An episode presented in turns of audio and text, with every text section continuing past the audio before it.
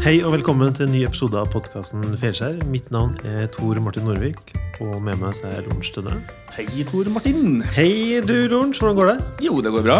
Er du klar for en ny episode? Ja, ja. Så bra. Da, det blir spennende. Det er jo en uh, kar som uh, kjenner på godt og vondt, som vi skal snakke med i dag. Vi kjenner han jo ganske godt fra før. Ja, Men det, vi møter vel noen fine nye sider, men kanskje han, da. jeg tror det her blir Skammens, skammens øyeblikk. Er det det vi skal greie fram? Vi skal først takk til Snorre Busch, som er produsenten og styrer teknikken. Sørger for at vi kommer oss på lufta, at vi har lyd. Det er viktig. Vi har jo denne podkasten som heter Feilskjær. Kunsten å tryne med stil og lære av sine feil. Hva, hva vil vi egentlig med det, Lorentz? Oh. Nei, vi Men sånn faglig sett så det handler det jo om å tørre å utvide på en måte både eh, repertoaret sitt i, sånn, både på idé og på kommunikasjon og sånn rent faglig. Det å tørre, tørre mer. Det å skape på en måte en felles forståelse med mange og kunder og folk rundt oss i forhold til å tørre, tørre å utøve faget vårt mm, bedre og mer. Og andre er selvfølgelig det som har blitt vikset bare fram mer og mer. på en måte At det det handler jo mer og mer om at vi mennesker bare må generelt ta, senke skuldrene litt mer og vite at ting går greit, på en måte. Så Det, derfor, ja. vi er ganske heldige, for at vi får lov til å spørre en del folk om de har lyst til å komme og prate med oss. Og så når de får vite hva temaet er, så er det veldig mange som sier ja. Det, det å komme og prate med Flest kan det, si ja, faktisk. altså, Det det, det gjør det. Og han som har sagt ja i dag, er Gaute Busch. Det er en gammel punker fra Østebyen her i Trondheim. Han har studert litt historie. Og så har jeg jo lært meg et nytt ord. Fordi han har beskrevet seg selv som autodidakt. Ok. Det måtte jeg google. Ja, bra. Og det, er- og det er rett og slett uh, selvlært. Oh, ja, altså, Livets harde skole. Livets harde skole. Så der har han både master og sikkert doktorgrad. Han har eh, vært en liten tur i Oslo og jobba i markedsavdelinga til Ikea før han dro oppover igjen til Trondheim, og så starta han Uredd i 2005. Og det Uredd holder han jo på med fortsatt. Ja. Jeg har jobba i Uredd, og du har jobba i Uredd. Ja, ja, ja. Så vi har jo på en måte Vi har jo noen sånn forbindelse med den fyren her, da. Mm. Men det at han hadde feilskjær, visste du om det, eller? Jeg vet, jeg kjenner, jeg kjenner jo at jeg vet jo at det er feilskjær der. Det er ikke sikkert det samme vi skal prate om. ikke sikkert jeg får se. Skal vi bare sette i gang og se hva det Kjør på. Jeg lurer på hvem han har valgt.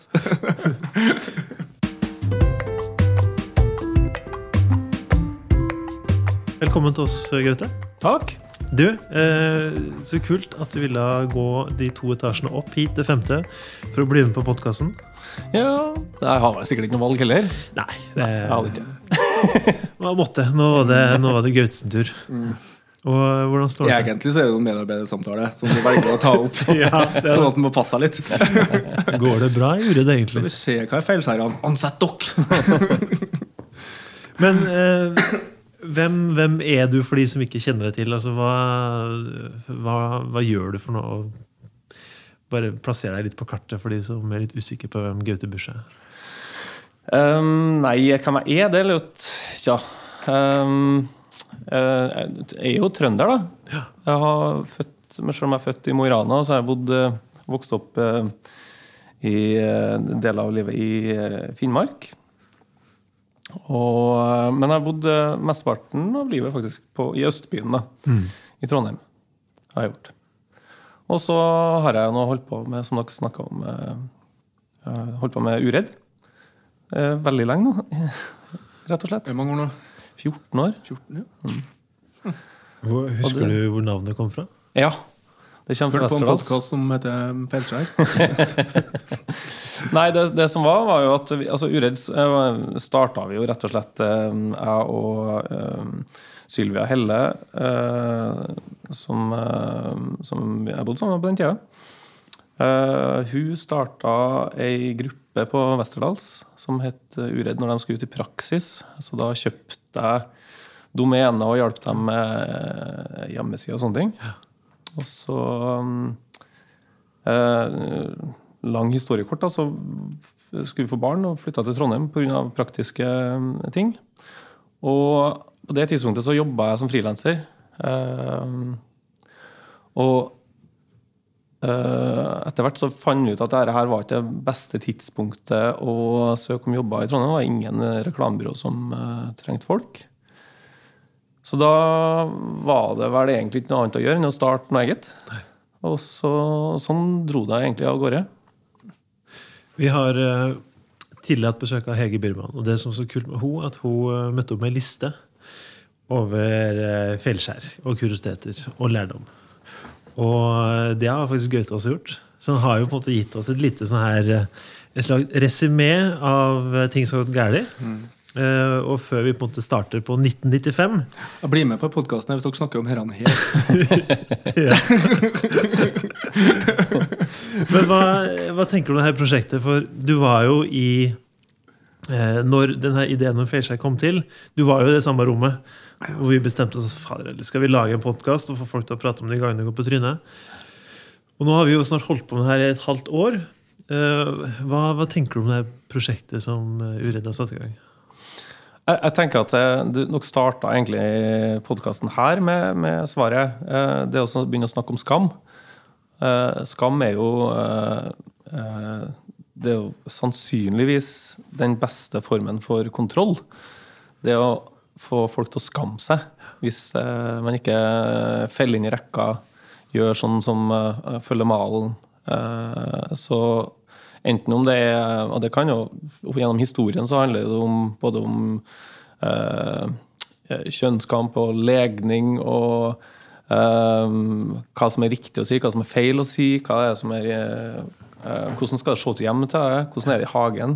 Har du eh, rett eh, kant på hekken? Er det, er det kløpt gresset hjemme til deg? Sånne ting har jo vært, folk vært veldig opptatt av. Eh, fordi at, og det, det er kontrollen. Det er samfunnskontrollen. Jeg tror at feilskjær handler om å uh, rett og slett ta et oppgjør med skam. At uh, man skal være litt skamløs. Uh, og fordi det eneste måten å kunne skape ting, handler jo rett og slett om å bryte med det som er, fra før. Mm. Og for å få til det, så kan du ikke gå rundt og skamme deg. Hvordan har, har, har skam preget deg på noen måte? Um, ja, jeg er jo vokst opp eh, relativt ruralt. jeg tror at eh, den skamma, den, den, har nok eh, kanskje, Den er kanskje mer synlig. Har vært på, i Bygde-Norge, kanskje. Jeg vet ikke, Hva tror du, Lunsj? Ja, men litt sånn sjølpåført òg, tror jeg. Men den er Jeg husker i hvert fall det var veldig befriende å flytte inn til byen. Ja.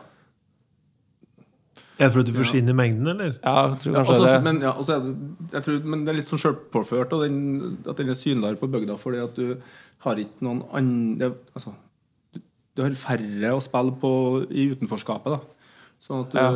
det blir på en måte alt blir, altså, Alle søker mot uh, midten og prøver, ja. og, og, så blir det da sånn sannheter på at det er planer og sånne ting. Ja. Så det er en grunn til, altså, grunnen til at det ikke er så mange som er kunstnere på bygd, er fordi at det er to av dem.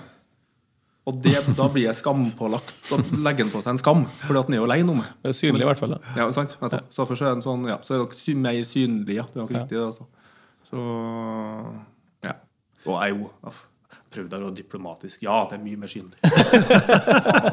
Sliter jo hver dag. Jeg. Faen, hekken er feil og rotete og jeg har ikke rett hage. Og ungene er hølete buks og Nei, det er skambelagt hver dag. Ja. Jeg jeg har jo flytta ut på bygda nå, og det Men gjør, men gjør det oss mer robust, da? I forhold til å håndtere skam hvis en har torra likevel? Er, er det noen fordeler med at det er mer synlig på bygda? Nei, ja, altså, jeg tenker at du eh, Det, det er to sider av det. Mm. Eh, jeg tenker litt på, jeg har jo flytta ut på bygda igjen. da mm.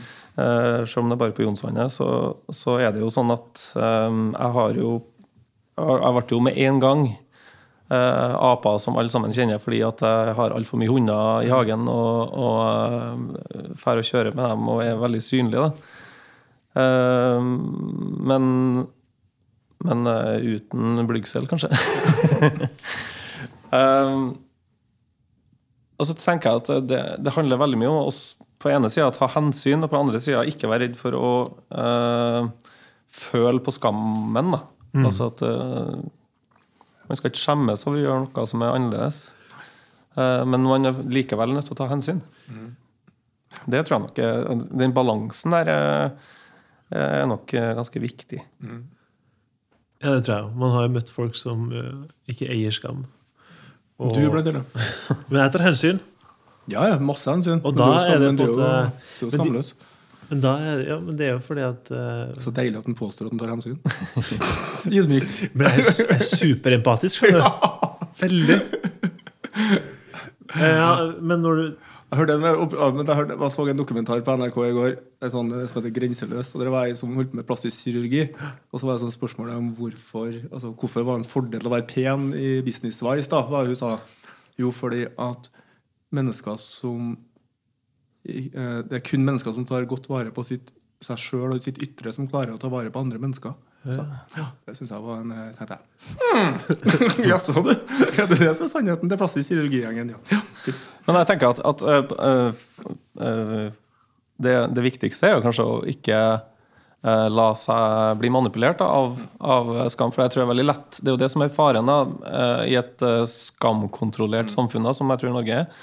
Eh, det er at man øh, Det kan lett brukes øh, kontrollerende. Det er jo på en måte der vi har det her med problematikken rundt politisk korrekthet og, og sånne ting. Det, det sperrer for en del åpne debatter da, eh, som vi burde kanskje ha eh, i samfunnet.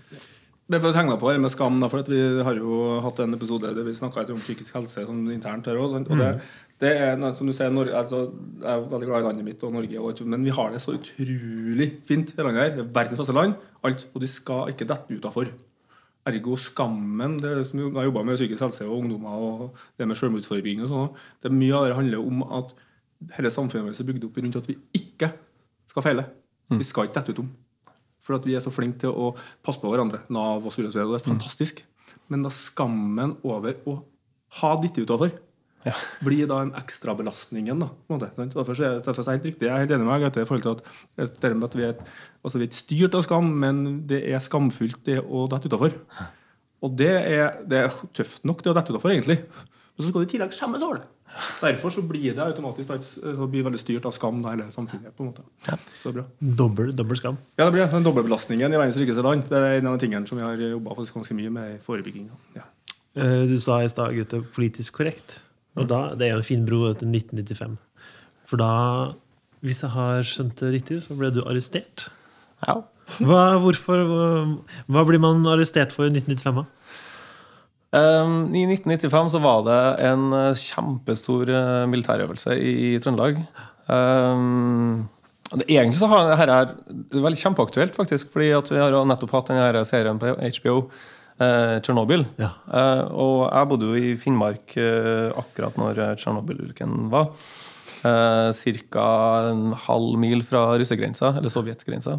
Aha! Da forklarer det, Gaute. Eh, I den militære øvelsen altså Jeg har alltid hatt et sånt veldig sterkt forhold til det her med, med motstand mot atom, kjernekraft og, og atomvåpen. Og veldig mye på grunn av det. Så vi var livredde. Altså, Hva, hva var de historiene som nådde Norge når Tsjernobyl Husker du det? Hva du ble fortalt? ja, eh, nei, jeg skal ikke si at jeg husker. Jeg var jo hva var, ti år, ni år. Eh, men, eh, men eh, jeg husker på, på den herre eh, Vi hadde vært i Sovjet, sånn vi, vi hadde jo på en måte møtt Opplevd regimet litt. Mm. Vært på besøk i Murmansk og, og Nikel. Og, og det, eh, vi opplevde veldig sånn strengt og veldig militært og veldig sånn eh, Og veldig grått og litt sånn for et barnesinn litt skummelt. Sånn at vi, når det begynte nyheten om Tsjernobyl nådde eh, oss, og at det hadde påvirket Det kom usynlige giftstoffer gjennom eh, lufta. Eh, og at eh, vi kanskje var nødt til å slutte å spise reinsdyrkjøtt og, og sånne ting. Uh, reinsdyr var ganske nærværende der vi bodde. Um, så så var det, det var en veldig sånn sterk opplevelse. Um, og det her var jo egentlig bare mitt perspektiv. altså eh, at Motstand mot eh, atomkraft og, og, eh, og sånne ting, det har nok miljøbevegelsen alltid vært eh, opptatt av. Men spesielt da etter 1986. Eh, det som skjedde, var jo at eh, det skulle komme en eh, atomdrevet ubåt til eh, å legge til kai i Ila. Og den bestemte vi oss da for å Da jobba jeg i Natur og Ungdom, som eh, Eller ikke jobba. Jeg, jeg var eh, med i Natur og Ungdom. og eh, vi var en gruppe på fire stykker da, som fant ut at eh, nei, vi må prøve å Vi må uansett gjøre noe. Eh, eh, henge opp et banner, et eller annet, eh, som, som eh, eh, Det vi skjønte, da, det var, ikke noe, noe eh, beredskap. eh, selv om det var en atomreaktor som lå duppa nede i havna. Det var, det var en av de tingene som vi, som vi ville synliggjøre. da. For det var en ubåt nedi her eh, i Trondheim. Ja. I, ja, rett utafor? Ildsvikøra. Nei, jeg var deltaker i denne militærøvelsen. Ah, ja, ok. Ja. Og jeg husker ikke helt hvordan, hvordan ideen dukka opp, eller noe sånt, men det som skjedde, i hvert fall, det, det var at uh, vi tjuvlånte en kano fra speideren. Eh, og tidlig, tidlig tidlig om morgenen, vi visste når den skulle komme, så padla vi ut i, i skumringa, og så, og så la vi oss eh, sånn til at ubåten ikke klarte å legge til der den skulle legge til. Og Det var ganske, det var ganske mm, spennende eh, å bli uh, sikta på med maskingevær av eh, masse britiske soldater. Og kauka til av kjempesinte politifolk mens det kretsa eh, helikopter eh, over oss i lufta. Og eh, det var første ja, det var noe, Jeg tror det er eneste gangen jeg har vært på TV 2. Men det var, dere var fire stykker i kano, Ja. stjålet fra speideren, som da stopper en russisk eh, atomdrevet ubåt. Nei, britisk. Var det britisk, ja? Ja. ja. Ja. Men det må ha vært litt sånn adrenalin da, eller? Litt. Hva, hva, hva skjer da? Nei, altså Det som skjer, er jo at vi blir lempa opp i en eh, sannsynligvis en rekvirert eh, cabincruiser som politiet kom og plukka oss opp i. Putta i en politibil og så kasta på glattcelle, og eh, det var det, egentlig. Ja, For du havner ikke på noe register over noen som eh, skal passes på i de nærmeste dagene? Ja, det vet vi jo ikke. Nei. Jeg vet ikke. Nei, altså det, som, vi, det endte jo opp selvfølgelig med en helt vanlig rettssak, der, der og, så, og så ble vi dømt. da. Fikk eh, bot. Um, og, men det jeg har hørt i ettertid, det er at uh, Jeg kan ikke bekrefte, men, men jeg har hørt at uh, det ble satt i gang eh, et prosjekt for å få til en atomberedskap i Trondheim da, etterpå. Så det, hvis det stemmer, så er jeg jo Jeg hadde gjort det, jeg hadde gjort det glad En igjen. jeg, Altså. Hvor var du da, Lunsj? Var du i en kano, eller? Ja, jeg sto jo på land og savna en var jo med da, vet du. Savna en kano. Bare Faen, nå tatt ja, faen tatt. Jeg ordentlig speider. Ja. Så du anmeldte du også? Ja, skal du ha kameraet her? Hvor igjen? Kan være hen, da. I 95, når han var arrestert. Ja, husker du? Det er som jeg hadde, sant? Hvor var du når Gaute var arrestert, i stedet for hvor var du når Brå brakk staven? Ja. Jeg er fint å kanskje begynne å stille alle gjestene spørsmålet. Hvor var du når Gaute var arrestert? Men det, Nei, For å sulle opp i Nord-Trøndelag, ja. Steinkjer har nettopp vært på OL i Lamer, året før. Og, nei, ja, du hadde ikke tid til å tenke på å stoppe atomkraft? Nei, jeg syns kom på at hadde noen sånn jodbiltabletter, men, men utover det så hadde jeg ikke noe. husker ikke på det. Men så mye yngre, vet du, som yngre inngang, vet du. Det, det er en historie om et fly òg, ikke sant? Ja, ja, eh, det var også atomkraft, da. Um, um, og det var vel veldig sånn tilfeldig, egentlig. Um, eh, at jeg havna der. Eh, men saken var jo at det var Det skulle ta av et fly fra Tromsø lufthavn. Um, full av chartere for, for å fly til Murmansk. Som skulle da eh, Det var full av tyskere og amerikanere eh, som har betalt eh, store summer for å fære på en atomdrevet russ, sovjetisk-russisk eh, Russisk, da, sikkert. Eh, isbryter. Eh, og fære å ha grillparty på Nordpolen. Eh, Folk, folk er sjuke. Og det syns jeg heller ikke var greit. Eh, Så da, da uten å tenke på skamma, så, så uh, storma vi den flyplassen. Og så låste jeg meg fast i nesehjulet til, til det flyet. da. Her skal jeg være med. Her skal jeg være med på. Jeg har ikke råd til billetten, men jeg skal bli med. Så det var Natur og Ungdom eh, 1995. ja. Så fint. Så eh, Natur og Ungdom, det høres ut som noen de aktivistene, da. Ja, Ja, det det en var- periode hvor de var liksom mye lenking og Vi var nok, eh, vi var nok eh, inspirert uh, greit av uh, Fredrik Hauge. Og det var jo en del uh, aksjoner på den tida. Sivil ulydighet var i vinden. Og, jeg vet ikke, det var noe den, den generasjonen som Det var mye opprør, da. Ja, altså var, hadde, altså, Konstruktivt altså, opprør. Ja, så var ikke det noen annen, ikke noen annen arena.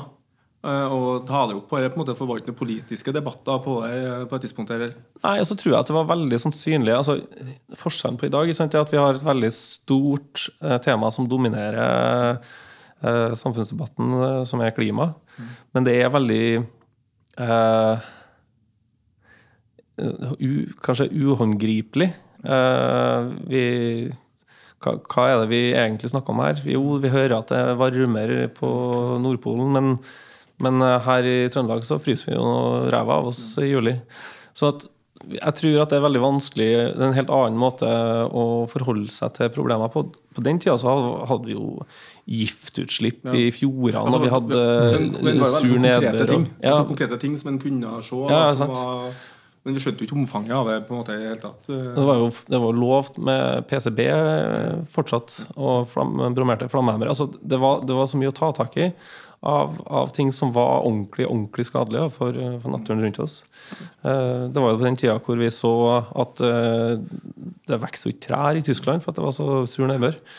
Sånn at vi Jeg tror at eh, akkurat den perioden der så var alle miljøproblemene så oppe i dagen og så synlige, og det var så opplagt at det var nødt til å gjøres noe med. Og så var det noe, blant annet ungdommen da, som, som tok uh, og satte uh, ordentlig fokus på det. Og det, Og det er jo var sammenlignbart med noe av det. eh, I forhold til Jeg syns egentlig det er sånn beskrivende for samfunnet vårt i forhold til miljø fortsatt jeg synes Litt sånn likhetstrekk likhetstrekk i forhold til da, men nå det at vi mangler den der å mangle den gode arenaen. Og vi, for det ikke sånn, ja, vi har noe parti og litt sånn, sånn, sånn men mangler arenaen. Og det syns jeg var så fint når den der skolestreiken var. Og så ble det debatten etterpå om de skulle få fri eller ikke. Så svarer da, om det var da statsminister eller om det var hvem det var som svarte, at uh, i stedet for å streike, så hadde de skulle hatt det som et tema i samfunnsfagstimene. Sånn? Når det er eneste arenaen som er svaret på at ja, men i stedet for å streike, så skal de diskutere det sammen. Det er jo nettopp akkurat den strukturen Så skal de sitte og diskutere det her med læreren sin. Det er jo det, det de ikke blir hørt. De skal, skjemme seg. For eh, sant? For det er ikke laga noen arena for det. Sant? Og da blir det motreaksjoner sånn som å lenge seg fast osv. Ja, ja. Men ble det grillparty, ja? ja, ja, ja. Du ble fjerna? Idioten eh, som hadde lenka seg fast med håndjern, skjønte jo ikke at eh, de eneste menneskene i, i verden som har nøkkel til håndjernene, det er jo selvfølgelig politiet. Så det var en kjempefuckup. Ja. Han flira jo når han eh, låste opp eh, sånn Oh, har du prøvd deg med det her, du? da? Ja, ja, ja. Det, det var søtt. Hæ? Og så fint. Så dere gjorde ikke det samme som ute på Frøya i Hitra? De smurte inn maskinene med bæsj? Nei, det var ikke tida. fint. Vi, en annen ting som skjer på 90-tallet, er jo at du studerer. Altså, du har, du har en eksamen i historie. Prøvd å studere. Ja. Ja, Historie har du faktisk eksamen i. Men alt det andre ble tull. Energien vil gå dit eh, energien vil gå. Hva, hva, hva mener du med det? Nei, altså når jeg, jeg skulle altså, det, det her er jo egentlig en lang rekke med fuckups. Altså, det starter jo egentlig allerede etter ungdomsskolen, når jeg øh, øh, gjorde øh, som mora mi sa, og begynte på Katta istedenfor den skolen jeg hadde tenkt hadde lyst til å gå på, øh, for å gå tegning, form og farge. Uh, så endte jeg jo opp med tre år allmennfag på Katta. Havna på Dragvoll uh, fordi jeg vet ikke, visste ikke noe bedre hva jeg skulle gjøre. Og da må du jo plukke noen fag. da, Så begynner du med historie og sånne ting. Og det tar ikke lang tid før Gaute da finner andre interesser. Og det handla både om engasjement eh, politisk, men det handla også om at vi satte i gang med, med Man fikk seg jobb, og så begynte man å jobbe. Og så er det jo mye mer spennende å jobbe enn å studere. Eh, og så klarte vi gjennom eh, egentlig et sånt kommunalt fritidsklubbprosjekt å skape ei avis som etter hvert ble til Natt og Dag. Og til slutt så, så ble det jo altoppslukende. Hadde ikke tid til å studere da. Så det var egentlig ble bare tull, det i utdanninga. Men du er åpen om at det For det å være autodidakt, altså det å egentlig tilegne seg kunnskapen selv Du har sagt, eller du har skrevet at det er kanskje den vanskeligste veien å gå? Ja, ja, jeg anbefaler det jo ikke. Det er jo det, er jo det dummeste du kan gjøre, selvfølgelig. fordi at um, også, Nå har jeg jo tenkt at jeg skulle gjerne hatt muligheten til å studere litt. Fordi at det er jo en fantastisk gave, det vi har. Og faktisk kunne studere. Men akkurat da så tror jeg ikke at jeg hadde jeg, jeg tror kanskje ikke jeg var moden nok heller til å skjønne hva det at hva mulighetene i studiene faktisk var. da. Jeg skjønte ikke egentlig helt hva universitetet var. tror ikke jeg. Det var bare en uh, plass hvor uh, jeg skulle fortsette med det jeg har holdt på med i eh, ti-tolv år. Uh, og det var ikke så veldig givende. da. Men du er jo ikke så opptatt av titler. Så jeg tenker at Det er jo ikke doktorgraden og det er jo ikke masteren som på en måte frister deg. Nei, nei, nei. Men det, og, og det er jo kanskje der, der feilen til, til skolesystemet ligger òg, det er jo at eh, det mest, altså målet for skolegangen er jo at du skal ende opp som professor. Uh, og så uh, De fleste blir jo ikke det. Men uh, de fleste hopper vel av og begynner på et eller annet yrke. men jeg hoppa av litt tidlig, og så, og så endte jeg nå opp da, med det jeg hadde tenkt. Og det var å bli designer. Men det måtte jeg lære meg sjøl, og da må du bruke en 2000-3000 timer foran Mac-en for å bli god. Da. Og så må du lese alle de bøkene sjøl. Og jeg gjorde nå det. Men er ikke det litt greit, da? Sånn, eh, da får du jo stort sett egentlig holdt på med det du har lyst til å holde på med. Altså det er fokuset ditt som da bærer interesse av å lære deg. Du ja da, absolutt. Og, og jeg tror at um, uten å velge den litt kronglete veien, så hadde jo kanskje ikke uredd eh, oppstått heller. For da hadde jeg vel kanskje endt opp et annet sted, vil jeg tro. Eh, det, det, var jo, det er jo skapt av en, et, fordi at vi måtte. Du sa jo i stad at eh, du var med å starte Natt og Dag. Mm. Og det, det var vel første gangen du gikk på et sånn hukommelsestap? Ja. Hva, her, her ligger det tror jeg, en fin historie. Ja, eller fin og fin, det. Altså, den uh, uh, det, er, det, der er jo uh, hodeløse, ha det gøy-måten å jobbe på. du syns det er så artig på jobb at du stort sett bor på jobb. Så, og, og alle du jobber sammen med, er kompiser, og det eneste du holder på med og bryr deg om, er jobb.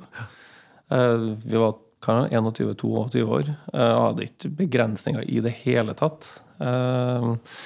Og så uh, kunne vi jo ikke det her, så vi var nødt til å lære oss det. Uh, kunne jo ikke uh, det med markedsføring, økonomi, drift, regnskapssystemer Masse sånne ting som du ikke tenker på at du trenger når du skal starte for deg sjøl. Mm. Så det, det, er klart at når du da bruker all energien din på alt som er artig, og så etterpå skal du begynne med alt det andre som kreves, som er nesten like den 100 %-stilling, det òg. Så uh, husker jeg, jeg husker vi hadde akkurat lansert um, uh, et av numrene. Uh, nei, sånn var det. Vi skulle lansere Vi var helt i sluttfasen. Det var, her var en fredag. Og vi var plutselig nødt til å få tak i en fotograf i Oslo som skulle ta et bilde av noen. Jeg husker ikke helt hvem det var. Uh, I hvert fall så husker jeg at jeg gikk ut fra Brukbar uh, på For det var der vi skulle møtes uh, på en sånn fredagssamling. og så løste det seg, det her med den derre fotografen. Og så har jeg egentlig ikke noe minne av hva som skjer etter det, før jeg finner meg sjøl i Olavshallen. og jeg vet ikke helt hva som har foregått imellom at jeg er på brukbar. Men jeg har vært innom en butikk som heter Østerlys, og kjøpt meg en del sånne tegnesaker. Det har jeg gjort. Det er noe lim og noe maling som blir sniffa her. ass. Det hører jeg. Og så, og så ringer jeg faren min og så forteller jeg om det her. Og så, og så uh, uh, sier han at uh, kanskje skal ta en pause nå. og ja, det var, det var første gangen jeg opplevde at, eh, at jeg ja, litt for mye av det gode. Ja, for da bare overarbeida, og så Ja. hva, hva, Hvordan kurerte du det? Var det bare å slappe av? Klare å slappe av? Ja, det var vel egentlig starten på en prosess hvor jeg endte opp med å slutte i Natt og Dag. Eh, fordi eh, eh, ja, jeg hadde nok tøyd den strikken altfor lenge, og så tror jeg at på et eller annet tidspunkt der så så eh, går du inn i den derre uh, sirkelen hvor du ender opp med å, å brenne, brenne lyset i begge endene veldig fort. Uh, og da er det ikke artig lenger. Så jeg tror egentlig at jeg bare mista helt gleden med å holde på med det. Og da eh, er det jo igjen da, det med å finne ut hvor er, det, hvor er det du har energien din hen. Uh, så der, derfra var veien egentlig kort til å flytte til Oslo. Eh, og ja, der, der skjedde jo nye ting. Så ble det en ny fase i livet der. Men er det der var det Gatemagasinet? Eller var det Trondheim, det også? Det her som heter for Pur Oslo? Nei, og Trondheim, det. Per Oslo var i Trondheim med Martin. Hæ, nei. Ta deg sammen. Jeg måtte bare sjekke om det var Walk lunsj. Lunch. Har du ikke vært eh, nede på Oslo her? eh, Ved siden av Det eh, er en restaurant i Oslo heter Lofoten. Og Ja. Ja, for du, du, det her var 2003, hvor du hadde en forretningsidé. Ja, det var inspirert av Da hadde jeg jobba i Ikea-systemet noen år, og så eh, hadde jeg vært jeg husker, Jo, jeg hadde vært i Malmö eh, gjennom jobb, og så eh, Der hadde de et sånn gatemagasin. Og så begynte jeg å lese sånn her, og så tenkte jeg Hvorfor har ikke vi dette her i Norge? Det, var, det er jo kjempebra. Og så begynte jeg å lære om uh, The Big Issue i, i Storbritannia. Uh, og så samla jeg en, en gjeng. Altså, for jeg hadde jo da erfaring med å lage avis. Men da, da har det gått tre år siden at du røyker på en smell med natt og dag. Ja. Og så, så det tok ikke lenger tid enn tre år før du tenkte at nei, nå er energien tilbake igjen på å lage et magasin? eller? ja, nei, altså den, den tida var sikkert mye kortere enn akkurat det. han husker det ikke. Nei.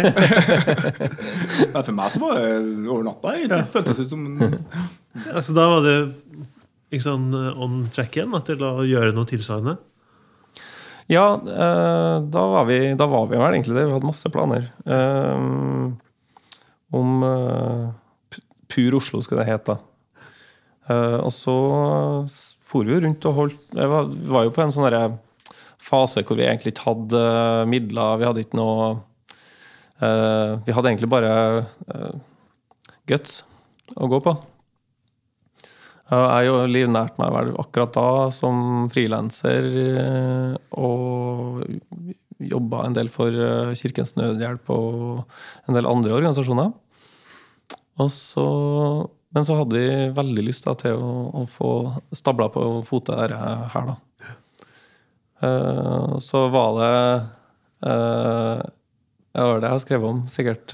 Skulle, vi, var, jo både på Fattighuset og vi var på, på og snakka med kommunen, og vi var i masse møter. Da. Så var det en gang hvor jeg hadde vært eh, hadde vært Jeg hadde i hvert fall ikke spist. Nei. Og det her var Og jeg pleier ikke å bli eh, spesielt eh, sur når jeg er sulten, tror ikke jeg i hvert fall. artig at du sier. Eh, Men i hvert fall så, er jeg ble vi invitert til å prate på Høysmania. Mm. Og tenkte at det er jo kjempebra, for der er jo masse engasjerte folk. Og, og skulle fortelle om denne ideen. da og, og Husmania, hva er det? Høysmania det er jo det her uh, okkuperte huset i Høysmannsgata i Oslo. Mm. Uh, på, og kjenner ikke jeg dem så veldig godt, egentlig, men, men uh, vi, vi var nå der, og de hadde en sånn et sånt uh, Kall det en slags black blackbox, eller scene, i hvert fall. Hvor det satt masse folk. Og så var vel egentlig ganske innstilt på at eh, her er vi blant eh, venner og, og meningsfeller, og tenker at eh, det her, er- det her blir bra. Men eh, så var det det motsatte som skjedde. Vi var- fikk veldig mye motstand. Jeg ble liksom anklaga for å for å være sånn utspekulert kapitalist som skulle livnære meg på andres elendighet. Og den var ikke jeg forberedt på i hele tatt. Og så kjente jeg at jeg tente på alle pluggene og skjelte ut hele forsamlinga eh, på en måte de aldri gjort før, og marsjerte ut. Men Forstår du dem i dag, da? Nei, nei, nei, absolutt ikke. Jeg syns Nei, nei. Eh, Jeg syns fortsatt de er Det var en haug med idioter. Lurer på hva de tenker i dag. Husker du han sinte fyren til deg i 2003? Fy Han, han, var- han var skummel, ass. Jeg, jeg fikk faktisk en beklagelse etterpå av, av en. Det stemmer. Og ett år etterpå så starta jo Jeg liker Oslo. Ja. Hang de to på grep, eller? Var det Nei, og det var det som var så bra, fordi uh, i mellomtida der så, så uh, uh, fly, Vi flytta jo til Trondheim eh, året etterpå fordi eh, vi hadde barn på vei.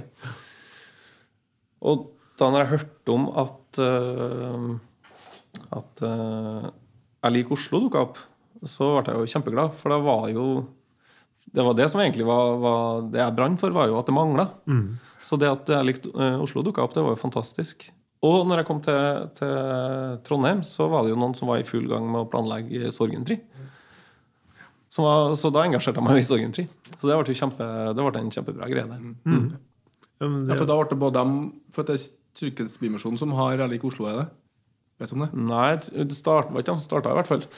Det var, det var en, det en gruppe, til- det var en annen gruppe villsjeler som sannsynligvis tenkte akkurat det samme som meg på akkurat samme tid. Eller Som var sikkert, til, ja, som var sikkert nærmere et, eh, en organisasjon eller sånn som er der. Så, Ja, eller hadde kjent folk Og det er jo det som er med Oslo, at det, det er I Trondheim så er det ganske enkelt å finne oversikten over eh, hva du skal gjøre hvis du skal gjøre noe. Uh, I Oslo så er det litt større, og jeg tror faktisk at du kan nesten leve et liv i Oslo uten å egentlig ha den oversikten som du kan ha i Trondheim. Da. Vi kan hoppe til 2006. Det er så greit å ha et sånn fint lite manus. Hvis jeg sier den flaueste offentlige opptredenen til Miljøpartiet De Grønne noensinne Ja, det, det må jeg jo Det er jo eh, kanskje det vondeste jeg noensinne har gjort, tror jeg. uh, um, ja, jeg har jo denne bakgrunnen min fra, fra miljøbevegelsen uh, i Natur og Ungdom og, og sånn. Og um, også min gode venn Harald Nissen uh, hadde jo vært kandidat her i Trondheim. Og jeg, jeg har veldig stor respekt for Harald. Han er en veldig, veldig klok mann. Og så flytta han til Oslo. Og så var det valg, og så ble det spørsmål om eh, jeg ville stille som listetopp her i, i Trondheim. Da. Så tenkte jeg at ja, det, jeg kan jo gjøre det. Eh, jeg kan jo et og annet om både det ene og andre. Så, så Og mener ganske mye. Ja, altså, Du har jo eksamen i historie. Ja, jeg har det. Det, det er ikke verst. Du har jo stoppa jeg, kano. Nei, du har jeg liker veldig godt med Gaute at han sier at jeg vet jo ganske mye om ganske mye, når det egentlig Jeg mener ganske mye om mye. Er- ja. Ja. Nei, i hvert fall så, så, så takka han ja til det. Og det er ikke, jeg hadde jo aldri gjennomført noen valgkamp for noe politisk parti. Jeg hadde jo aldri gjort noe sånt. Og, og vært- vært talsperson og, og sånt. som der. Så jeg visste egentlig ikke helt hva det innebar. da. Uh, her kommer det jo uh, den, jeg skjønner jo at, eh, at eh, folk har ungdomspartier hvor man på en måte blir eh, lært opp til å holde på med, med sånne ting og skjønne gangen i, i, i en valgkamp, eksempel. Eh, I hvert fall så var jeg satt opp på shitloads med sånne paneldebatter. Og jeg stilte opp så godt jeg kunne, og, og sånne ting. Og så var det, hadde jeg kanskje sett litt kjapt på en av dem. Uh, møtte opp på en uh, debatt på Rotvoll. Uh, Så jeg gjorde nå det. Så Var det til, at- var det til studenter, eller? det trodde jeg. ja Ja, riktig. skoledebatt.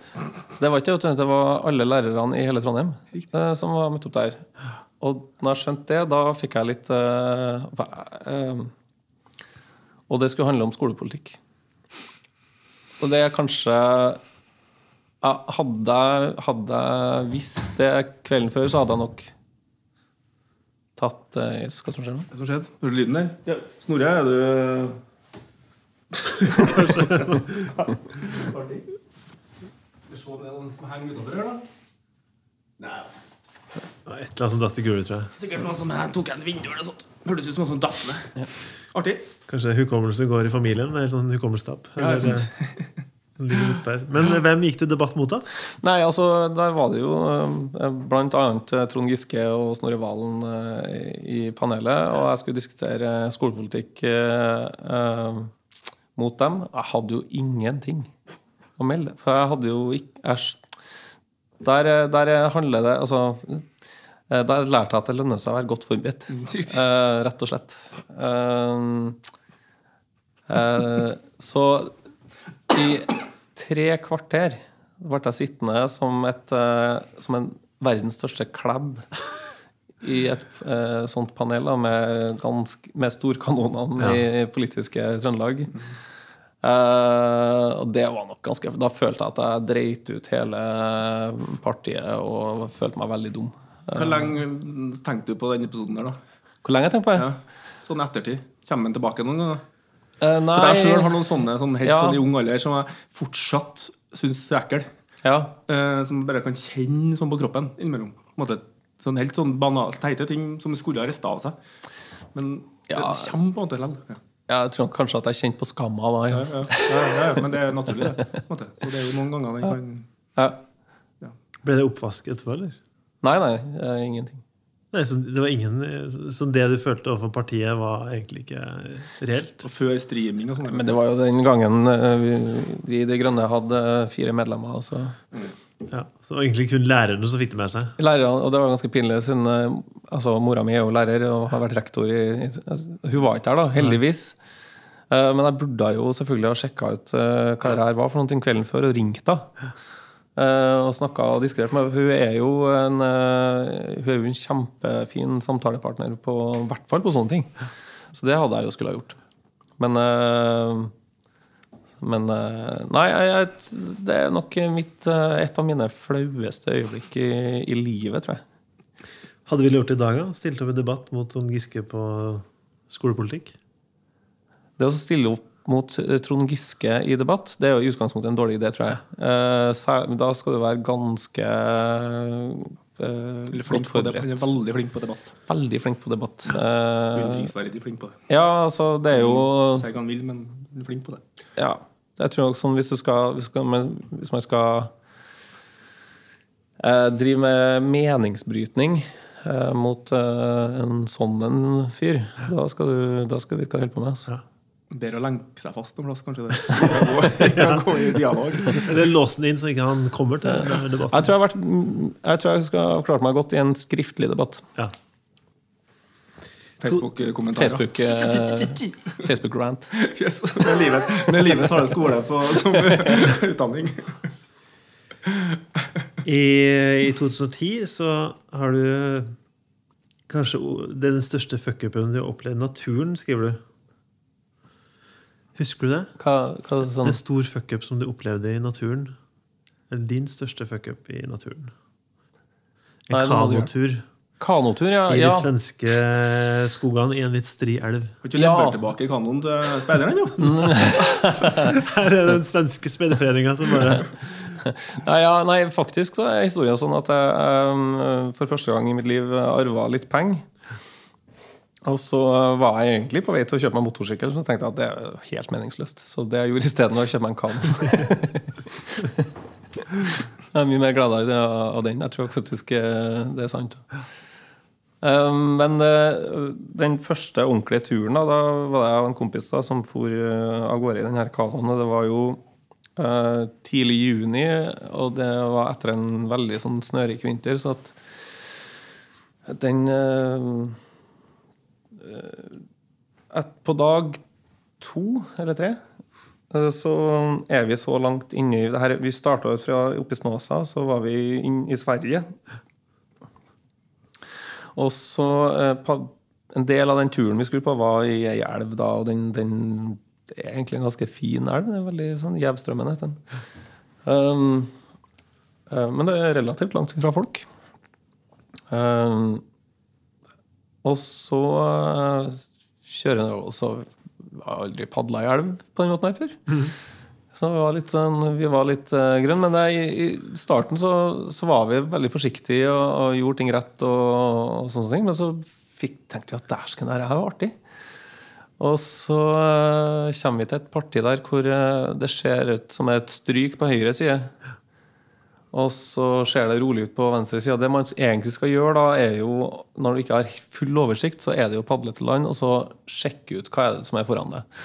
Men uh, litt overmodig og tenker at vi går for venstre side, det ser roligst ut der. Men uh, grunnen til at det så rolig ut der, det var jo at det gikk rett ned. Ja. uh, så altfor seint så kauker jeg da Høyre! Høyre! Eh, men det var jo selvfølgelig altfor sent. Og så bare ser jeg at eh, ok, her går det rett ned. Eh, og jeg fikk plutselig vann opp til halsen. Og så tok strømmen tak i bakenden av kanoen. Så vi gjorde en liten skru ned uh, denne lille fossen. Det var ikke noen stor foss, altså. Uh, det skal sies. Men, uh, men, det var nok til at det var heftig. Vi har rotert noen ganger rundt i, i, nedi denne fossen og følte at jeg fikk hele fossen i kjeften.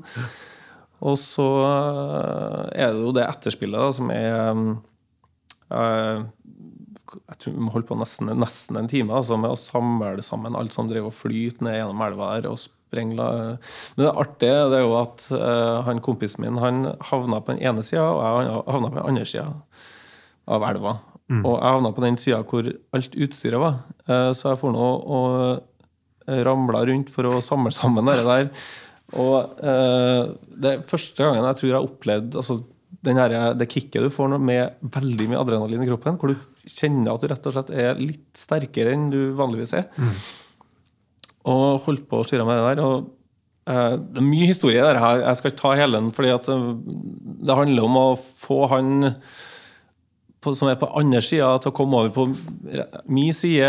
Og, og, det var ikke bare bare, for han kom ikke seg over ved å gå, så, så vi måtte uh, Var han også like grønn, eller? Ja, på kanopadling, ja. ja, ja. vi er jo ganske skulle... vant, begge to, egentlig, til å ferdes i fjellet. Så det eneste vi skjønte, var at nå har vi virkelig fucka opp. Fordi det, det var fort kaldt. Uh, en grønn mener du da som vant, eller som grønnskåling? Ja, som... Hva du mente At den var godt vant til å være Nei, kan man være var... godt vant til grønn? Ja, At den er helt grønn på ting, betyr jo at den ikke kan noen ting. Ja. At den er ny, Var det du spurte om? Ja, ja. ja, ja. Men kanoen var grønn. Ja, og Miljøpartiet er grønn. Men eh, det var det nære på at, at det kunne gått ordentlig galt? I sånn ettertid så, så vil jeg jo ikke egentlig ja, altså det, det, vet man jo aldri. Man kunne selvfølgelig ha slått Historia er veldig god hvis det var nært. Hvis, eh, hvis, man har slått hodet på en stein og flytt, nedover elva istedenfor å eh, drive og springe rundt og eh, samle sammen blaute ting, så, så, hadde jo historien kunne vært litt annerledes. Men eh, Mista ikke lyst til å tro på det forholdet i fjell og mark for det? Å oh, nei, nei, nei. nei. Nei. Men vi hadde en eh, evaluering. Eh, altså det, eh, det som skjedde først, var jo at vi da måtte fyre opp et lite nødbål, sånn at vi fikk tørka oss og varma oss. Og det er jo da jeg kjenner på Og det, har, det skjønte ikke jeg da, men som jeg har skjønt, fått lært i ettertid, at du kan faktisk få en ordentlig sånn nedtur etter å ha hatt adrenalin i kroppen. Så jeg ble kjempesvimmel og kjempekvalm, og det var da jeg ble redd. For da tenkte jeg nå skjønner ikke jeg helt hva som skjer, så jeg sa til kompisen min, uh, han heter Gaute Anna, uh, at nå må du bare følge med meg litt, for jeg vet, hva, jeg, vet ikke helt hva som skjer nå. Jeg er kjempesvimmel og kvalm.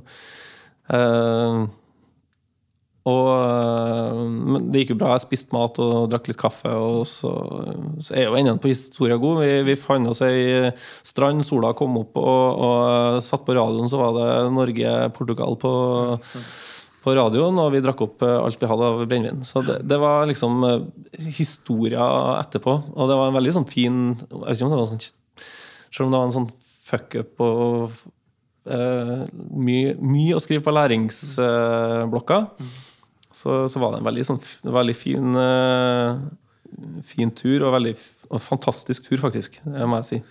Eh, Snåsa eh, anbefales alle, særlig hvis du skal padle. Var Snåsvatn, eller?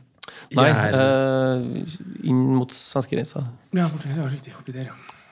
Vi, vi, har jo, vi ser jo det at de folka som opplever fuckups, det resulterer jo som regel til, til noe fint etter hvert. Ja. Uh, og så er det jo at uh, Som du sier, neste gang så går du kanskje på land og sjekker stryka i forkant, hvis du ikke har vært der før. Ja. Ja. Men hva, for- kom det ikke diskusjon etterpå om hvem som var syndebukken i velten? Det var samstemt om Nei, ja, det, det var vi begge. Altså, vi, var jo, det var jo, vi var jo begge klar og enige om at vi skulle gå til venstre.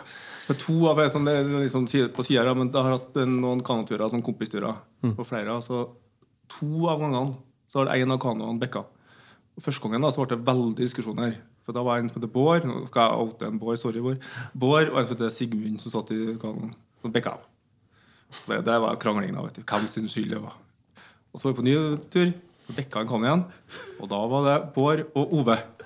Så det er ikke noe tvil om hvem som er Om Bård fortsatte å krangle og diskuterte hvem var feil, hvem som gjorde galt her. Ove eller Bård. Men det er jo innlysende. Det er to ganger, 100 av gangene har han fyren der sittet i kano.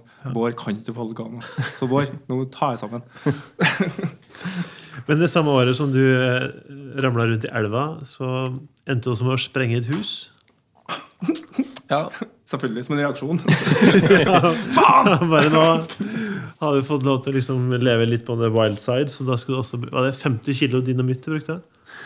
Ja, eh, det der var jo det var, en, det var jo en jobb vi skulle gjøre for Ungdommens kulturmønstring. Det er faktisk. Eh, Vi skulle lage en promofilm for, eh, for dem. Og så hadde vi eh, vårt første samarbeid med Helmet. Eh, Jeg elsker å jobbe med Helmet. Det, for de er, de er så dedikert på å få til detaljene så bra som overhodet mulig. Og vi, vi var veldig sånn klar på at vi er nødt til å lage modeller som kan på en måte se ut som går i lufta. At det, Og Helmet er sammenheng med filmproduksjonsselskap. ja, filmproduksjonsselskap. Ja. Um, og så uh, Men så endte vi opp med at uh, nei, vi må, vi må jo gjøre det på ordentlig. Vi, vi, vi må jo prøve det. Uh, og så så satte vi inn en annonse i Selbyggen. Uh, for vi tenkte at uh, er det noen plass uh, Hvis du skal gjøre noe sånt, så må du gjøre det på bygda. så da skrev vi i annonsen så sto det 'Se huset ditt nedenifra'. Hus søkes til eh, sprenging. Og fikk masse henvendelser. Eh, så plukka vi ut en oppe i Mostadmerka. Og så, eh, og så tror jeg vi var veldig tidlig i karrieren til han eh, Roar Crosby i eh, Ikke gjør dette hjemme. Sprengebasen? Sprengebasen, ja. Ja. Uh, og han skulle få lov til å bruke sprengstoff. Uh, og så hadde vi gitt ham sånn brief om at Dagen før da vi skulle sprenge, så hadde, hadde, vi, hadde jeg snakka med en, jeg og Øystein i Helmet, og sagt husk på at det er nødt, det er nødt til å, å måte, det, må, det kan ikke være sånn at det detter ut en vegg. Det må fragmenteres. Ja, og jeg har tatt 15 kilo, så det skulle, det skulle gå bra. Det var, det var liksom 15 kilo. Det er mye, altså. Til sammenligning så brukte de eh, 14 kilo på Rjukan-aksjonene. eh. Så det, det, det er mye sprengstoff, det. Men så hadde han ligget på natta og tenkt på det her. Og så tenkte jeg, ja, ja, vi har jo bare ett forsøk, da. Ja, ja. Og alt er jo i orden, så alt er jo, det er jo bare å kjøre på. Så når han kom, da så kom han da med to sånne eh, 25 kilos kasser. da. Så vi satte den ene i første etasjen, den andre i andre etasjen på det huset. og eh, det klippet ble jo veldig bra. Veldig fint. Det ble fragmentert. Det vi ikke tenkte på, var jo da at eh, vi skulle kanskje ha rydda ut av det huset før vi sprengte. For det huset var jo selvfølgelig full av dritt. Ja, det var jo det, vet du. Så vi, vi, vi sto i tre døgn og, og rydda opp etter oss. Uh, og det er da kollega Knut uh, uh, har den her famøse uttalelsen hvor han sier at eh, jeg har ikke jobba så mye siden jeg jobba i kommunen.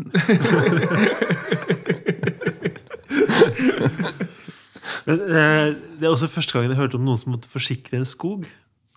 Ja, eh, det, du får ikke forsikra skog når du skal sprenge hus.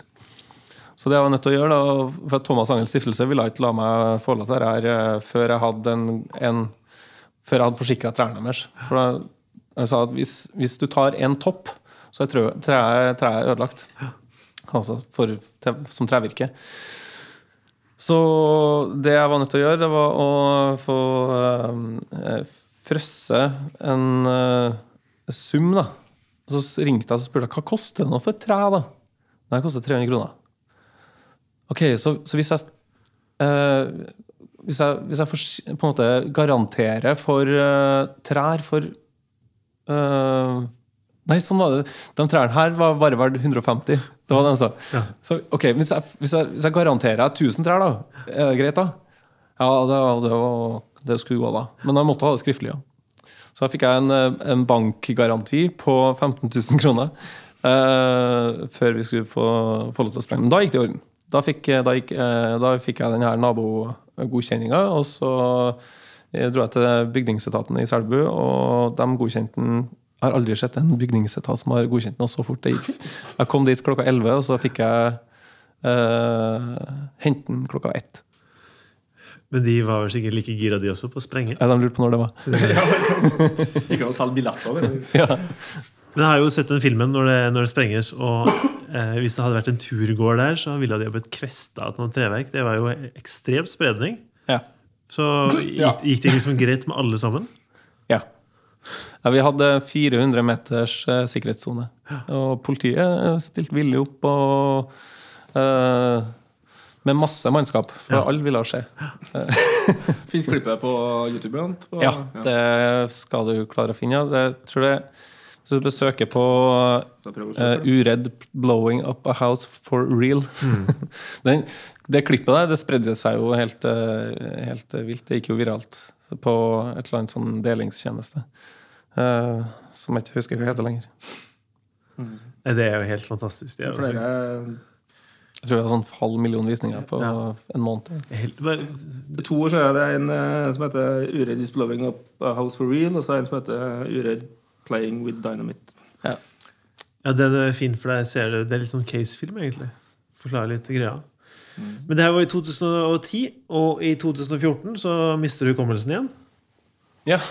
Da er det andre gangen du eh, har en periode der hvor målet er større enn helsa. ja. Hva, er, det, er det jobb da, eller? Ja, det er vel kanskje det. Det, det var mange ting som skjedde akkurat da, men um, Stortallet var det, så. 2014 Uh, Nei, jeg vil bare si det vel Uh, Jobb har vel vært en sånn go to da, hvis det har vært uh, andre ting i livet som ikke har stemt helt. Så da uh, var jeg vel i en sånn fase, og så endte opp med å kjøre sånn eh, 60 timers uka igjen, og det er jo ikke noe smart. Men hvorfor, eh, hvorfor havner man der etter at du allerede har vært der? For det er jo du ikke den eneste som gjør det. Altså det å repetere sine feil. Man, man gjør ofte det. Ja. For, hvorfor, eh, hvorfor gjør man det? Har du noe liksom er, du garantert nå at om ikke fem år så kommer du til å nok en gang få en eller annen hukommelsetap igjen? For at du kommer til å jobbe Ta en 60 timers uke igjen, da? Eller tenker du at nå har du lært? Nei, jeg vet ikke. Det kan ikke jeg love, deg. Jeg Jeg har eh, ehm, Jeg har alltid hatt en sånn herre uh, Altså, hvis jeg finner flyt Jeg er veldig sånn avhengig av å finne flyt, og, og, og, og det har jeg hatt helt siden jeg var liten. Altså, jeg tror det var sånn jeg begynte å tegne, faktisk, fordi at det, du, forsvinner. Du mister tid eh, når du har flyt. Um, og det der eh, Du blir litt sånn junkie etter akkurat det òg. Og så tror jeg også at jeg er en sånn fyr som eh, kan sette At du prioriterer bort alt annet eh, hvis du må. Og da kan, du, da kan du komme i skade for å prioritere bort deg sjøl eh, enkelte ganger. Eh, når du føler at eh, nå er det noe annet som er mye, mye, mye mer viktig. Det kan være unger, det kan være andre ting eh, i livet som du rett og slett eh, eh, eh, setter vekk eh, eh, hensynet til deg sjøl. Og det tror jeg veldig mange kan oppleve, f.eks. Hvis, man får, eh, hvis man kommer i en situasjon hvor man er nødt til å passe på foreldrene sine. For eksempel. jeg husker mora mi eh, eh, satt bort seg sjøl veldig i den perioden hvor eh, hennes foreldre hadde behov for omsorg. Eh, og sånn tror jeg du havner i de situasjonene. Mm. Eh, og så blir man jo eldre, og så er det kanskje skal ganske mye mer viktigere ting til for at du skal eh, sette vekk hensynet til deg sjøl etter hvert når du blir eldre.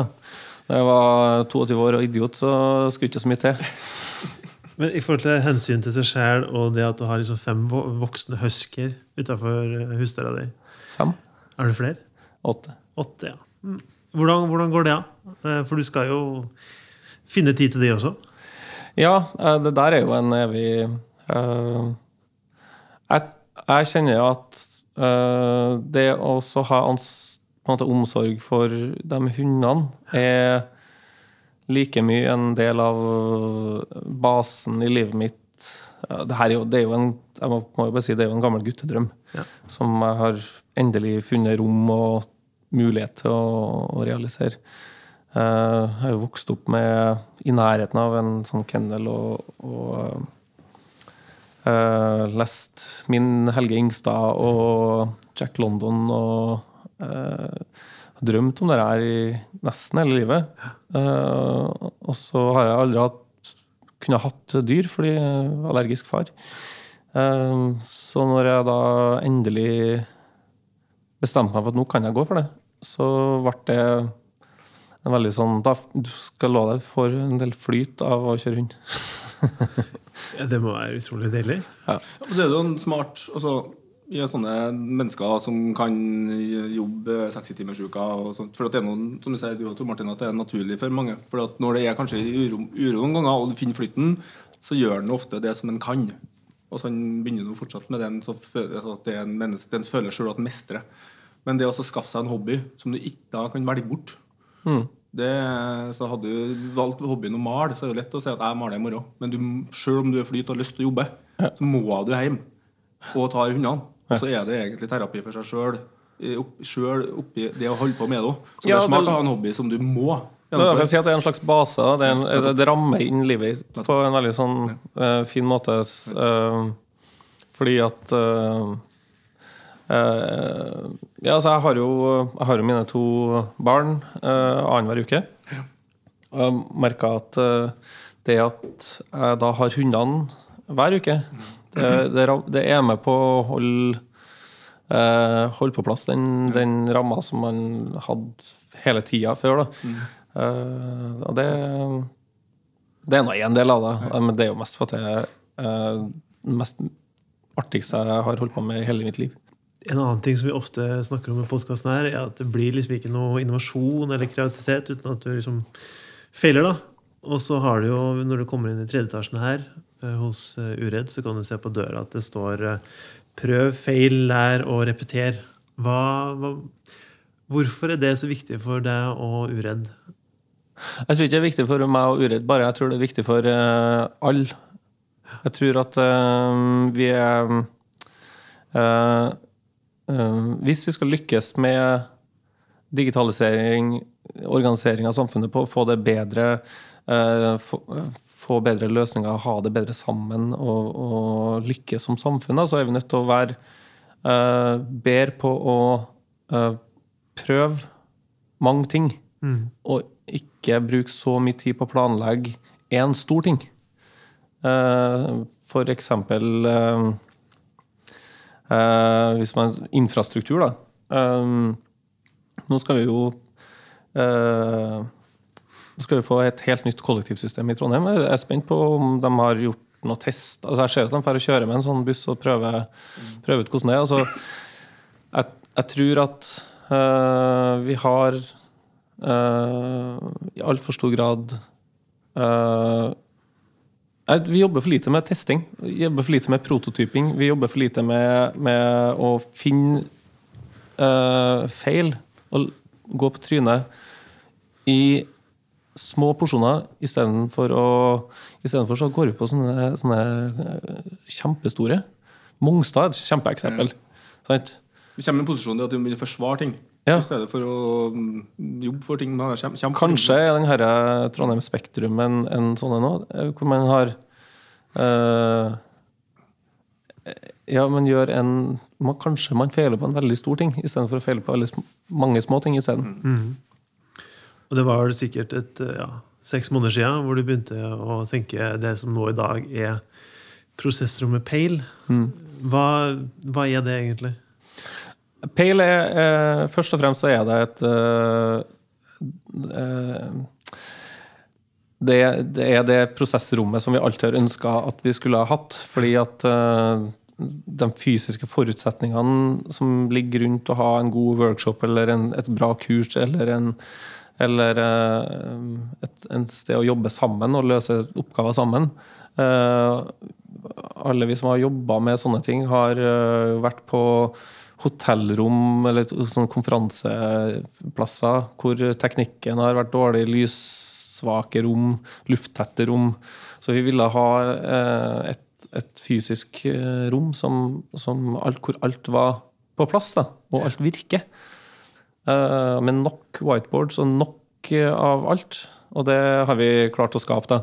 Uh, og det er jo også en sånn ting som vi tror at det trengs mye mye, mye mer av. Så Det er jo en av grunnene til at vi bestemte oss for at det her skal ikke bare, være vårt, men vi skal gjøre det til et produkt som folk kan faktisk leie. Um, og så handler det også om øh, øh, Og herregud, jeg snakka om i timevis. Det er, handler om at når alle opplever både innovasjonspress og press på digitalisering, og det er mange mange, mange som jobber med digitalisering av ulike deler av samfunnet, så trenger vi plasser og, eh, og prosesser som er tilpassa nye måter å jobbe på. Smidige måter å jobbe på. Mm. og det er egentlig eh, bakgrunnen for Pale. Så vi er inspirert av Harry Potter, uh, The Room of Requirements. Uh, hvor du bare kan eh, se for deg hva, du har, hva det er du trenger, og så har du det. Ja, jeg husker I starten da jeg hørte om det, så var jeg litt sånn skeptisk. For at når du googler sånn sprint, så får du ofte sånn bilde av folk som driver med sånn Post-It-lapper. Og så er det sånn hva, hva er det for noe? Funker det? Det, det, ser så, det, ser, det ser så billig og klisjé ut. da. Og så har jo du tatt meg med på noen av de prosessene. Og det er jo Du får en litt sånn rus etterpå, for at du innser at det fader, så mye, mye mer du får gjort når du ikke prater og diskuterer. For du må være ganske konkret. Du sitter jo ned og skriver. Så Man sitter flere i et rom, og så skriver du ned ideer, og så blir det stemt på. Så Det er en sånn metode nå som jeg har liksom blitt overbevist på at det er, en, det er en fin og utrolig effektiv metode. Og så er jeg veldig spent på om når eh, resten på en måte åpner øynene og bare adopterer det. For det er jo bare et tidsspørsmål. Og det, så det bør være oppmuntring til folk å bare ta turen og, og se og hilse egentlig på, på deg og lokalene. For det er jo fint å bare vite om at det finnes, og ha muligheten til å booke det inn. Både leie av lokalene, men også faktisk få kursing i metodene. Ja, og det er jo det er også den siste tingen som er så utrolig viktig, og det er jo at vi får øh, altså Det er jo ikke vi som skal holde på med designsprinter, det skal jo alle gjøre. Eh, og da må jo mange lære seg det, og, og bli vant til å bruke det. Og, og sånne ting. Så det er også en av grunnene til at vi eh, bestemte oss for at vi, vi skal ikke blod, eh, skal ikke blåholde på den prosessen her. Vi skal lære den bort til så mange som overhodet mulig. Eh, fordi nå har vi holdt på med design thinking i, i 15 år. Og, og, og det her er jo det samme, det er bare at det er boksa i tid, og det er strukturert på en måte som gjør at du kommer i mål mye raskere. Da. Og det, det, det er jo sånn vi er nødt til å jobbe. Og så er jo hele metodikkene der som er laga på Det er jo, altså det er jo satt i system, dere som vi har prata ganske mye om i den podkasten vi hadde, vi, jeg og Jon, Tor Martin og Snorre, og blant annet det med og, og vi snakka med enkelte andre òg, det med å lage, så lenge at du lager en metodikk for å komme deg ut av noe som kanskje er på vei til å bli feil, det gjør at det er ikke noe, fa det er ikke noe farlig å teste ut ting. Så det, så det er en ting, altså, det Metodikken er jo ikke bare det at du skal komme opp med ideer og teste ut. Men det kanskje viktigste er hvordan kommer vi oss ut av det hvis det begynner å gå feil? For at en skal lære, og så repetere ut ifra det vi har lært. Sånn, så det er jo, altså, så vi har jo I hele bransjen vår er bygd opp verdens enkleste ting og kommet med ideer. Men det å tørre å sette dem i gang for at du vet du kan hente deg inn igjen, det er hele metodikken der. på en måte Repetere, repetere og gjøre på nytt igjen. Og det. For da er det ressurs, det er lite ressurser, og vi er samstemt og liksom at nå tester vi det. Liksom vi om at hvis at, så, det, så Derfor er jeg blitt sånn opptatt av det at den, så vi snakka om denne podkasten internt òg, men den metodikken her kan eller er nok en viktig stemme i hvis vi klarer å være med og bidra til at folk sier La oss prøve det, i stedet for å si dere går ikke. Så er metoden her en av det å si at vi prøver det. Og gjør det, og får en felles forståelse i internt i bedrift. Da. Så Et av premissene er jo det at alle beslutningstakerne skal være til stede, blant annet sånn at vi får gjort det. Sant? Og det er jo en, ja. Så det handler ikke bare om rommet, men det handler jo om metodikken. Og si at nå skal vi alle sammen samles som kan bli enige om noe. For da tør vi å teste. Da slipper man å forsvare overfor noen. Og, er en, og så tilbake igjen. Vi vet, Hvis det går her er på vei til å gå galt, da henter vi oss inn. Da vet vi akkurat hva vi skal gjøre. Så det er metoden som er, er en fantastisk eh, Så mange har åpna øynene, og det kommer til å bli mange som åpner øynene. Da har vi kommet til den delen eh, som er avskjedsgave. Altså hva er det som har gjort deg glad i løpet av de siste syv dagene? Så da kan vi jo starte med deg, Gaute. Er det noe spesielt som har skjedd som har eh, prega livet ditt på en god måte? Ja, det, akkurat i uka her så har det vært masse. Um, på tross av uh, kaldeste starten på juli ever, så um, I går kveld så uh, så jeg Star Wars sammen med min yngste datter. datter. Uh, det, var, det var Og hun digga det. Det, var, det var veldig fint. Og nå er det jo sånn at de har jo ferie, og jeg jobber jo. Så men i forrige uke så, så var Oda på, um, på rideleir og lærte seg å ri hest. Og så, uh, hun var jo så glad hele den uka. um, og så samtidig så har uh, den eldste dattera mi hatt sommerjobb for første gang. Uh, og det tror jeg har vært en veldig, veldig fin uh, opplevelse for hun. Ja. Uh, så det, det er egentlig det jeg tar med meg fra denne uka her. Uh, som det ellers har vært ganske vått og kaldt. Jeg gleder meg til å se Star Wars med Erle. Hun er fem år, da, så jeg må vente litt. Men Ja, det- eh, det er en del filmer som jeg bare Ja. har på en liste også, som vi skal se sammen. Det kan godt være at du tenker at eh, det er altfor trege og kjedelige, men du skal få lov til å slite seg gjennom det.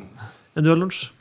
Eh, ja Jeg har ikke noen sånn gave, kanskje ikke, jeg, da. Men jeg har jo eh, vært litt sånn eh, halvveis eh, halv tolv-mann en liten periode. Og så hadde jeg sånn positivt og flott uh, møte, lunsj, med en uh, kar før en dag som heter Stig, som uh, hadde noen noe prosjekter på gang, og så spør han liksom Ja, og her må jo finne en rolle til lunsj òg, Og så ble vi sittende og prate, og så var det, veld, det ble veldig fint. Så det, noe, så det gjorde meg sånn veldig glad. At det å tenke framover på noe som jeg brenner for Jeg håper jeg kan komme tilbake litt til hva det var. Men det, ja, det var bare bra. Det er en enkelte sånne øyeblikk og møter.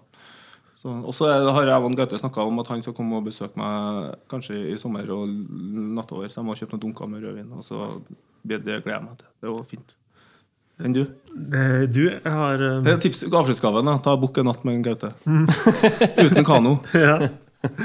ja, vet du hva? Ligge under kanoen. Ja, og håndjernene. Dynamitt og kano og ubåt.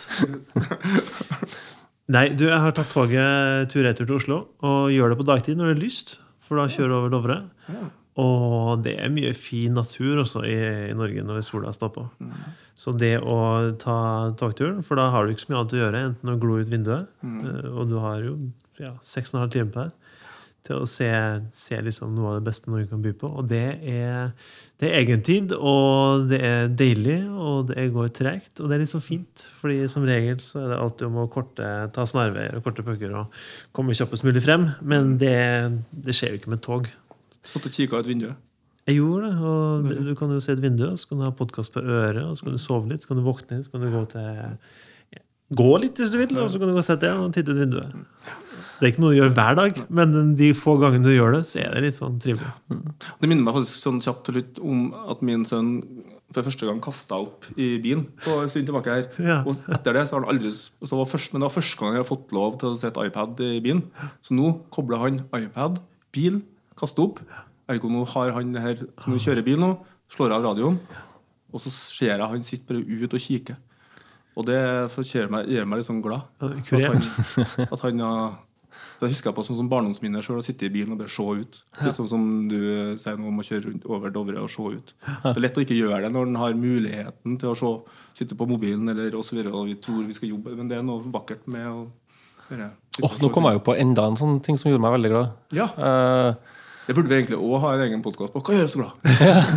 Nei, men uh, jeg, jeg, jeg Altså, det er jo teit å snakke om at jeg hadde uh, jobba, hatt sommerjobb. Det er jo ikke noe, sånn, det er jo ikke noe, egentlig noe artig i regnet. Men hun var jo med på Kiss-konsert, Å ja! og det var kult. Altså, hun er alderen der hun der du kan begynne ha med på sånne Ja, ja, ja. 15 år og kan være med på Kiss-konsert. Ja, fint. Dæsken den. Det- Og den Kiss-konserten var jo Det var eh. Det var kult. Ja. Det var Jeg trodde aldri at det skulle være artig å se på 70 år gamle menn eh, men spille rock. Gamle rock. Men det, var, det der var de eh, For å si det sånn, jeg skjønner at uh, Terje Formoe For- i Kristiansand har, han har vært på Kiss-konsert. Det er riktig, ja, selvfølgelig. Det, det, er ikke, det er ikke noe tvil. Sånn Kaptein Sabeltann ble. Tusen takk til de som har lytta på oss så langt. Og nok en gang, Gaute, takk for at du ville være her og prate med oss. Ja, vær så god. Hvor, hvor er det vi kan følge det som skjer med deg og ditt? Um, jeg er Altså, Pale jeg har jo sin egen eh, både Facebook-side og Instagram-konto. Uh, Uredd har også det. Uh, og så har jeg også en uh, Instagram-konto for dem som er interessert i å følge med hundesport. Altså langdistanse hundekjøring. Det er Vegviser Husky. Eh, ja. Det er vel der jeg er å treffe. Ja, Da får Og- folk bare logge seg på, og så får de følge deg. Neste gang så skal vi prate med Sigve Søråsen. Han er en AI-gründer. Han står bak Mito, men han har også vært borti Vimp. Og Schibsted. Ja, og EA24. Mm, så var han en meget lovende artist, nei, artist ja, alpinutøver i sin tur. Ja, stemmer det. Og så var han første, første på kullet ut av entreprenørskolen. Så han har fra Steinkjer. Ja. Det er mye mye, mye feil, feilskjær fra Steinkjer. Hvis du som hører på har en historie som du å dele med oss, så ta kontakt. Send oss mail på feilskjær.uredd.no. Og tips oss gjerne hvis det er noen vi burde ha prata med. Gi oss en eh, rating der du hører på oss, eller legg en kommentar. Det betyr mye for oss, og så er det enklere for folk å finne oss hvis de er på jakt etter en podkast. Podkasten her er produsert av Uredd og Lydsporet Media og kommer ut på mandager. Ha det bra. Ta-ta! Ha det. Ha det.